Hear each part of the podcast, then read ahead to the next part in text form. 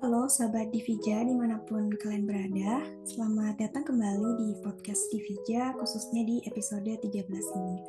Di episode kali ini, podcast Divija akan membawakan topik mengenai fenomena yang mungkin sering terjadi di lingkungan sosial kita dan mulai banyak dibicarakan saat ini, yaitu mengenai silent treatment. Nah, sebenarnya apa sih silent treatment itu? Apakah ini fenomena yang baru-baru ini terjadi atau sebenarnya ini adalah fenomena lama yang baru-baru ini aja mulai banyak dibahas? Nah, sebelum kita ulik lebih dalam, rasanya kurang pas kalau kita nggak kenalan dulu nih. Di podcast episode kali ini, sahabat Divija akan ditemani oleh aku. Bisa panggil aku Hani. Aku adalah mahasiswa semester 7 jurusan Teknologi Industri Pertanian Universitas Brawijaya. Tenang aja, nggak perlu sedih, karena di sini aku nggak sendirian nih. Kali ini kita kedatangan narasumber yang nggak kaleng-kaleng sahabat Divija. Langsung aja kita kenalan sama Kak Putri. Kak Putri boleh memperkenalkan diri dulu dan mungkin say hi ke sahabat Divija. Oke, terima kasih Kak Hani. Hai, selamat siang sahabat Divija. Uh, perkenalkan, nama aku Putri Asya Pahlawani, tapi kan bisa panggil dengan Putri. Dan saat ini uh, aktivitas aku sedang menjadi guru di salah satu sekolah menengah kejuruan di Surabaya. Uh, saya menjadi guru inklusi dan sekaligus uh, saat ini saya sedang melanjutkan studi di program uh, psikologi profesi di salah satu universitas di Surabaya. Wow, profilnya luar biasa ya. Jadi lagi bekerja sekaligus belajar sekolah gitu. Kak Putri keren banget. Ngomong-ngomong Kak, gimana kabarnya Kak? Thank you Kani. Oke, kabar aku hari ini baik. Kak Hani gimana? Alhamdulillah ya, bersyukur banget hari ini sehat. Aku berasumsi Kak Putri sehat walafiat ya sekarang uh, bersyukur Amin, banget kita semua diberi kesehatan aku Kak Putri dan mungkin sahabat Divija semuanya diberi kesehatan physically and mentally ya pastinya. Mau Kak Putri setuju nggak sih kalau kesehatan mental itu sama pentingnya nih dengan kesehatan fisik? Kalau aku pribadi aku setuju banget Kak Hani. Karena uh, apa ya sesuatu yang terjadi pada mental kita itu pasti nanti dampaknya juga akan ke fisik seperti itu. Jadi sama pentingnya dengan kesehatan fisik Betul banget. Pasti aku juga yakin sahabat Divija juga setuju kalau kesehatan mental tuh nggak kalah pentingnya dengan kesehatan fisik. Nah, kebetulan banget topik yang akan kita bahas di podcast kali ini berkaitan dengan kesehatan mental. Tapi benar nggak sih fenomena silent treatment atau topik kita hari ini tuh ada kaitannya sama kesehatan mental? Simak terus sampai habis ya, sahabat Divija. Sebelum itu nih, Kak Putri, mungkin kita bisa ulik lebih dulu. Apa sih sebenarnya silent treatment itu? Oke, silent treatment. Ini salah satu pembahasan yang cukup uh, sering aku temuin ya di uh, siswa-siswa aku sendiri. Beberapa ada yang curhat juga mengenai silent treatment. Kak, aku di silent treatment. Dia nanya-nanya gitu.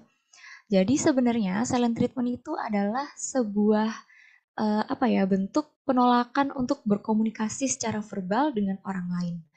Um, lebih dikenalnya itu sebagai ketika misalnya ya contohnya lagi komunikasi, lagi berantem. Terus tiba-tiba kita, yaudah kita nggak mau membicarakan itu, kita diem.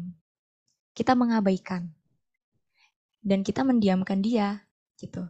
Jadi um, ini bisa terjadi di semua hubungan ya, nggak hanya di hubungan percintaan, um, mungkin dengan teman, dengan relasi seperti dengan rekan kerja, bos, ataupun dengan orang tua, silent treatment ini bisa terjadi seperti itu. Um, silent treatment ini sendiri bisa dibilang salah satu cara berkomunikasi yang menurut aku pribadi kurang tepat ya karena um, komunikasinya jadi nggak jalan dua arah karena ada salah satu yang diem cuek gitu ya dan salah satunya mungkin jadi bingung sendiri gitu. Oke, itu tadi ya uh, secara general pengertian silent treatment termasuk contohnya yang mungkin sudah ditemui Kak Putri di kehidupan sehari-hari, ada yang curhat gitu ya. Tapi uh, bisa dilihat nggak sih, bisa di uh, Kak Putri sendiri bisa melihat apa sih yang melatar belakangi seseorang atau mungkin bisa kita sebut pelaku uh, pemberi silent treatment ini. Apakah uh, ada kaitannya dengan mungkin pengalaman masa lalu atau kebiasaan di lingkungan sekitarnya gitu Kak. Oke, baik. Uh, betul banget. Perilaku silent treatment ini tentu nggak muncul begitu saja ya. Pasti ada sebab yang melatar belakangi. Uh, beberapa yang aku tahu uh, berdasarkan pengalaman dari anak-anak uh, yang curhat juga ya ke aku waktu di sekolah itu, uh, benar ada kaitannya dengan masa lalu. Biasanya ini uh, adalah bentuk proses belajar dari orang tua gitu. Jadi ada beberapa murid, uh, aku nyebutnya murid aja ya. Ada beberapa yeah. murid aku yang curhat dan uh, dia ya melakukan ya dia kebetulan ini adalah pelaku silent treatmentnya dan setelah aku tanya atau aku ulik lagi ternyata ini ada sebuah proses pembelajaran gitu dari uh, bagaimana orang tua itu memperlakukan dia. Uh, sebenarnya ada sebuah penelitian di mana uh, silent treatment ini sangat besar banget dampaknya ketika ini dilakukan dari orang tua kepada anak gitu. Uh, sebuah pengabaian gitu ya. Jadi misalnya anaknya nangis atau mungkin uh, anaknya uh, minta sesuatu itu orang tua ya ada beberapa yang mengabaikan gitu ya entah karena apa yang dirasakan terlepas dari itu orang tua ini mengabaikan si anak sampai anak ini merasa bahwa orang tuanya ini tidak memperdulikan dia seperti itu. Um, selain masa lalu, ada juga faktor seperti uh, pribadi orang masing-masing ya.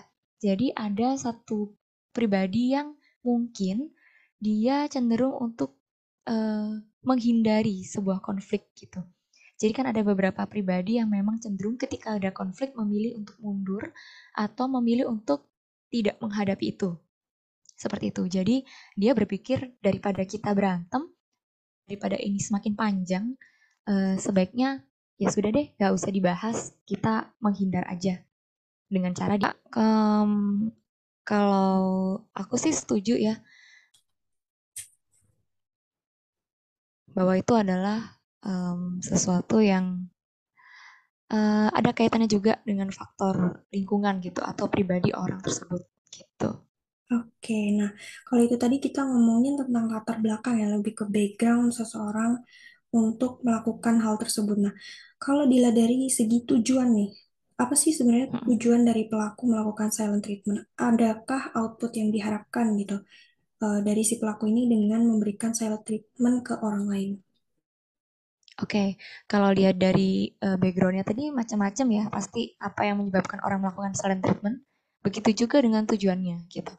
Jadi ada yang tujuannya untuk menghukum gitu ya, menghukum uh, partnernya. Ada juga yang dia berharap bahwa partnernya ini yang akan menyelesaikan permasalahan dengan cara uh, mungkin meminta maaf lebih dahulu, seperti itu. Atau ada juga yang tujuannya itu membuat mereka itu apa ya, uh, nampak tidak abusif gitu. Tapi apa pun tujuannya, uh, korban atau mereka yang mendapatkan perlakuan silent treatment tetap merasa bahwa itu adalah bentuk pengabaian seperti itu. Oke, apa pun tujuannya itu adalah tetap pengabaian. Nah, betul, betul banget tuh. Dilihat dari outputnya itu kan uh, uh, apa pun outputnya, tujuannya itu adalah mengabaikan. Nah, pastinya ini juga membawa sedikit banyak dampak ke si korban ya kak uh, secara langsung maupun tidak langsung pasti berdampak ke entah itu psikis korban ataupun uh, lebih ke cara korban itu gimana sih menghadapi uh, orang yang ngasih aku silent treatment. Dia kan pasti kebingungan gitu kak. Nah menurut kak Putri sendiri apa aja sih dampaknya uh, secara spesifik nih untuk korban yang mendapatkan perilaku silent treatment ini kak? Oke, okay, dampaknya pasti uh, cukup berbahaya ya. Eh, bagi korban sendiri mungkin akan memunculkan sebuah emosi negatif seperti marah dan juga distress gitu ya. Dan mungkin korban ini merasa powerless atau tidak memiliki power gitu. Karena silent treatment ini kan berkaitan dengan bagaimana satu pihak ini mungkin uh, memegang kendali gitu ya. Seakan-akan mengontrol uh, tanpa kata-kata ya mengontrol supaya pihak yang di silent treatment ini melakukan apa yang uh, diinginkan oleh pihak yang melakukan silent treatment seperti itu. Uh, dampak lain adalah membuat korban mungkin merasa tidak berharga, dia tidak dicintai, dia merasa ada pengabaian secara emosional. Apalagi sebagai makhluk uh, makhluk sosial ya, kita pasti ingin banget mendapatkan pengakuan, mendapatkan relasi, kehangatan antar hubungan dengan orang lain. Tentu pengabaian ini sangat kontras sekali ya, dan itu pasti berdampak banget buat sisi uh, psikologis dari korban itu sendiri.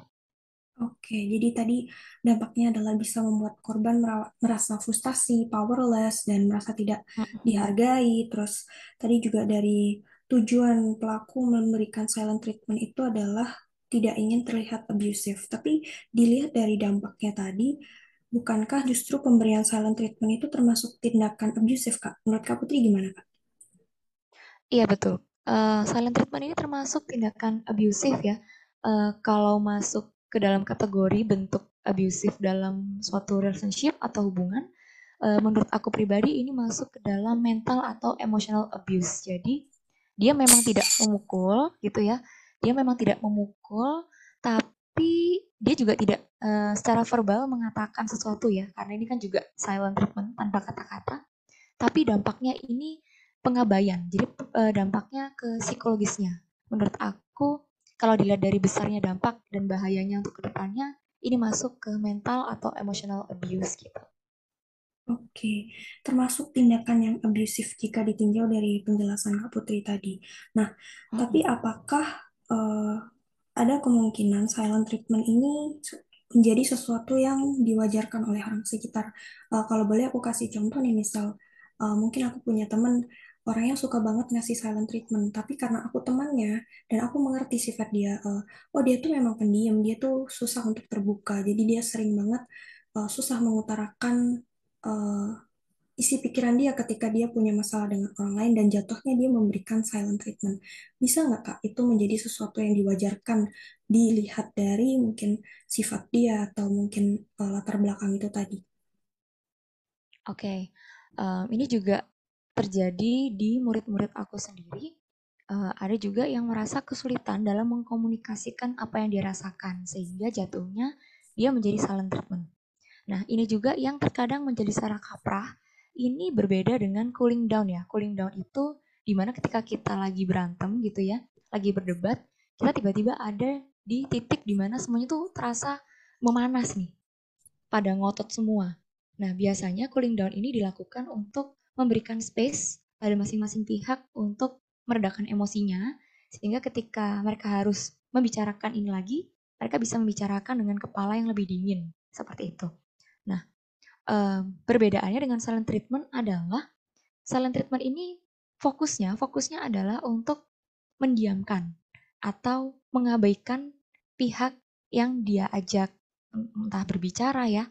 Nah, kalau cooling down ini mereka mungkin masih menyampaikan. Contohnya, uh, maaf aku butuh waktu untuk uh, aku berdiam diri dulu, baru aku siap untuk um, mengatasi atau berdiskusi lagi nih untuk mencari jalan keluar atas masalah ini. Nah ini fokusnya adalah pada uh, mempersiapkan diri gitu. Jadi dia akan kembali untuk membicarakan hal ini gitu. Itu bedanya. Nah untuk karakter sendiri, kalau menurut aku pribadi, kalau melihat dari dampaknya ya, uh, sepertinya uh, agak kurang setuju sih, karena sebenarnya walaupun dia pendiam, sebenarnya ada beberapa cara lain untuk dia bisa mengkomunikasikan gitu apa yang dia rasakan tanpa harus silent treatment seperti itu sih.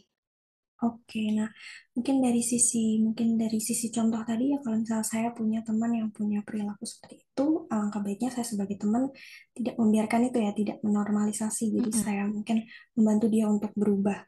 Nah tadi kita sudah bahas secara ringkas dan padat mengenai latar belakang dan dampak dari perilaku silent treatment.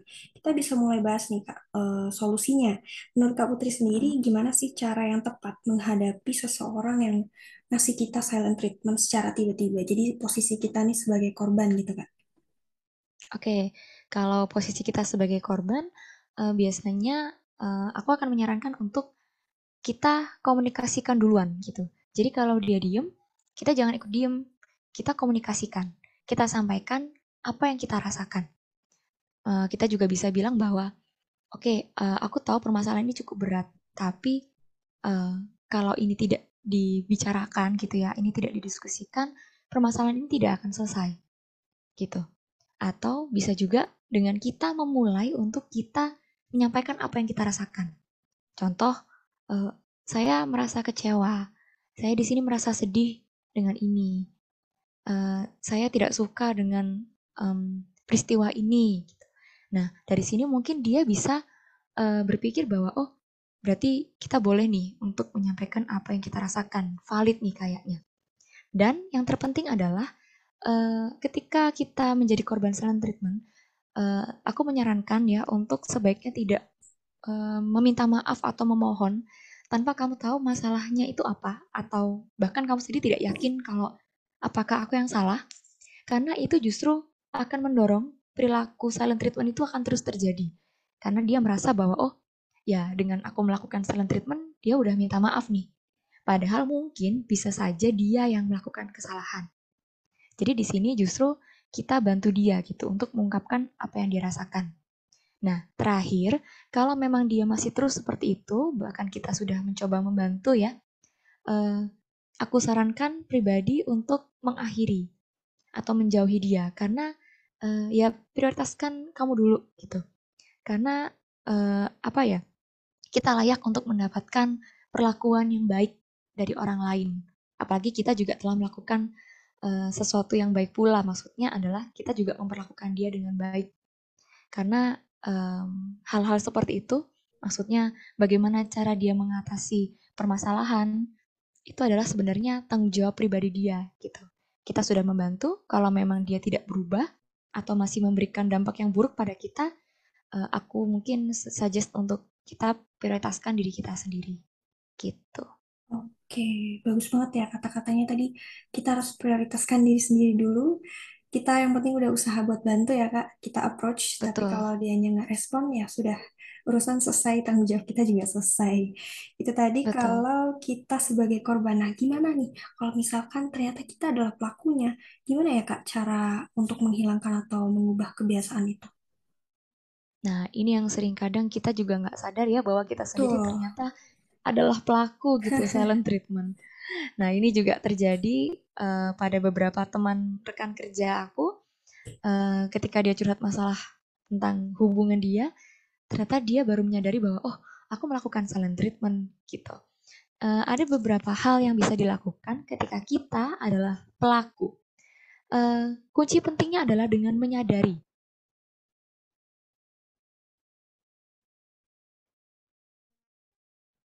dampak silent treatment ini besar bagi diri kita sendiri, bagi orang lain, dan juga bagi hubungan kita, gitu. Dengan menyadari, kita juga akan lebih apa ya, lebih berpikir bahwa oh ini sesuatu yang tidak baik, aku harus berubah. Nah ini harus disadari dulu. Kalau dia tidak menyadari dampaknya, akan sulit untuk dia untuk berubah. Selanjutnya, uh, beberapa pelaku silent treatment biasanya ada hambatan di bagaimana cara dia mengungkapkan atau mengkomunikasikan apa yang dia rasakan. Nah, dari sini mungkin kita bisa belajar ya, belajar untuk bagaimana cara mengkomunikasikan apa yang kita rasakan dengan baik. Kalau memang kesulitan lewat verbal, lewat kata-kata, mungkin kita bisa uh, lewat tulisan atau mungkin uh, lewat lagu, mungkin seperti itu ya. Karena ada beberapa yang memang kesulitan untuk mengungkapkan apa yang dia rasakan secara verbal. Dan uh, biasanya pelaku silent treatment melakukan ya silent treatment ini karena dia merasa bahwa uh, sepertinya nggak penting deh untuk menyampaikan apa yang aku rasakan. Uh, uh, sepertinya tidak valid deh. Kayaknya nunggu dia aja minta maaf. Uh, mungkin bisa kita yakinkan pada diri kita sendiri bahwa apa yang kamu rasakan ini valid.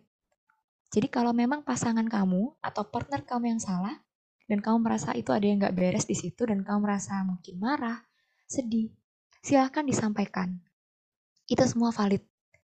Dan biasanya uh, mereka ini uniknya ya, mereka ini biasanya berpikir uh, seperti ini. Ah, memang apa pentingnya sih aku menyampaikan apa yang aku rasakan? Toh paling sama dia nggak direspon, nggak dianggap serius. Ya udahlah aku diemin aja. Terkadang seperti itu. Jadi kembali lagi, anggaplah bahwa apa yang kamu rasakan itu valid uh, sampaikan aja dulu, nggak usah berpikir mengenai nanti respon dia bagaimana. Siapa tahu respon dia ke kamu justru uh, malah terbantu dengan kamu menyampaikan apa yang kamu rasa. Dan terakhir adalah ketika kamu sudah mencoba berbagai cara dan kamu merasa masih kurang nih, masih kayaknya masih kesulitan deh kak, coba hubungi profesional seperti psikolog. Nah, kamu bisa curhat ke mereka, menyampaikan apa sih hambatan kamu dalam berkomunikasi atau menyampaikan apa yang kamu rasakan. Nah, nanti psikolog akan membantu kamu untuk uh, membedah nih, kira-kira di sisi yang mana nih yang membuat kamu itu sulit banget untuk menyampaikan apa yang kamu rasakan gitu. Jadi jangan uh, jangan ragu untuk meminta bantuan profesional ya. Oke, nah itu tadi kalau kita sudah terlanjur jadi pelaku. Nah, mungkin sahabat Divija juga penasaran, gimana sih Kak tipsnya supaya kita tuh nggak sampai jadi pelaku silent treatment. Jadi tips supaya mencegah kita punya perilaku itu dalam diri kita. Oke, okay. uh, eh, untuk mencegahnya sebenarnya hampir sama ya seperti cara mengatasi, yaitu dengan menyadari bahwa uh, ketika kita men-silent treatment, sebenarnya ini tidak akan menyelesaikan masalah gitu. Apalagi ketika partner kita tidak merespon sesuai dengan apa yang kita uh, inginkan gitu ya. Misalnya kita ingin supaya partner kita yang meminta maaf dulu. Eh ternyata dia nggak minta maaf dulu. Seperti itu. Nah, kalau cara mencegahnya, kalau aku pribadi adalah coba deh untuk latihan menyampaikan apa yang kamu rasakan. Tanpa harus overthinking dulu ya dengan respon dia gitu tentang bagaimana kamu uh, atau apa yang kamu ungkapkan gitu. Jadi uh, kalau memang ada unek-unek, mungkin ketika kamu berantem ya, atau selisih dengan entah rekan kerja, entah teman, entah pasangan, entah orang tua, coba kita sampaikan. Tentu dengan cara yang baik ya. Jadi coba kita sampaikan, kita fokuskan pada perasaan kita. Contohnya, uh, aku di sini merasa sedih karena ini. Aku merasa sepertinya kamu begini. Seperti itu. Jadi Mungkin untuk mencegah kita harus menyadari dulu dan juga kita harus latihan gitu. Ini perlu dilatih karena nggak semuanya ya, nggak semua orang bisa menyampaikan apa yang dia rasakan uh, dengan baik. Karena kebanyakan juga uh, masih memendam, masih menyimpan sendiri, seperti itu. Itu untuk mencegahnya. Oke, nah itu tadi ya tipsnya. Barangkali ada sahabat Divija yang merasa belum pernah menjadi pelaku dan gak pengen nih, jangan sampai nih jadi pelaku silent treatment. Silakan jika ada masalah ya, dibicarakan baik-baik, apa pun itu masalahnya, dicoba untuk berbicara, karena seperti yang Kak Putri tadi bilang, silent treatment tidak akan menyelesaikan masalah. Jadi sebelum masalahnya berlarut-larut atau justru timbul masalah baru, kita wajib mengkomunikasikan itu kepada orang yang memang kita merasa memiliki masalah tersebut. Sahabat Divija, tips-tips tadi sekaligus sebagai penutup podcast Divija episode 13 kali ini. Nah, sebelum kita tutup, mungkin dari Kak Putri ada closing statement atau pesan yang ingin disampaikan ke sahabat Divija. Silakan Kak. Oke, terima kasih Divija. Uh, mungkin penutup untuk aku adalah ketika kamu menjadi uh, korban silent treatment, uh, jangan ragu untuk kalian uh, mengakhiri mengakhiri hubungan tersebut karena diri kamu tuh lebih berharga. Dan kalau misalkan kalian kesulitan untuk memutuskan hubungan tersebut, jangan ragu untuk datang ke psikolog atau meminta bantuan mereka untuk kamu bisa mungkin berbagi apa yang kamu rasakan dan untuk mengakhiri ini seperti itu. Ingat, kamu lebih berharga dari apa pun. Sekian mungkin dari aku, Kak Hani. Oke, terima kasih Kak atas pesan-pesannya. Aku juga ingin mengucapkan terima kasih banyak kepada Kak Putri yang sudah menyempatkan hadir nemenin sahabat Divija dan mau berbagi wawasannya kepada sahabat Divija. Tapi kita hari ini menarik banget dan sangat insightful bagi aku pribadi. Banyak yang hal-hal baru yang aku pelajari, mulai dari silent treatment yang diterapkan oleh orang tua sejak kecil, anak nangis dibiarin, aku nggak kepikiran kalau itu silent treatment ya kak. Terus tadi banyak banget hal-hal yang bisa dipelajari. Semoga ya ilmu dan insight yang diberikan Kak Putri hari ini bisa bermanfaat dan membantu sahabat Divija di kehidupan sehari-hari. Amin. Tidak lupa aku ucapkan terima kasih kepada sahabat Divija yang masih setia dengerin podcast Divija sampai di episode 13 ini. Jangan lupa nantikan podcast Divija episode-episode selanjutnya yang pastinya akan membawa topik yang gak kalah menariknya dengan episode yang sudah ada. Oke, kita pamit undur diri yuk, Kak Putri. Sampai jumpa di episode selanjutnya. Bye. Sampai Terima jumpa, kasih. bye.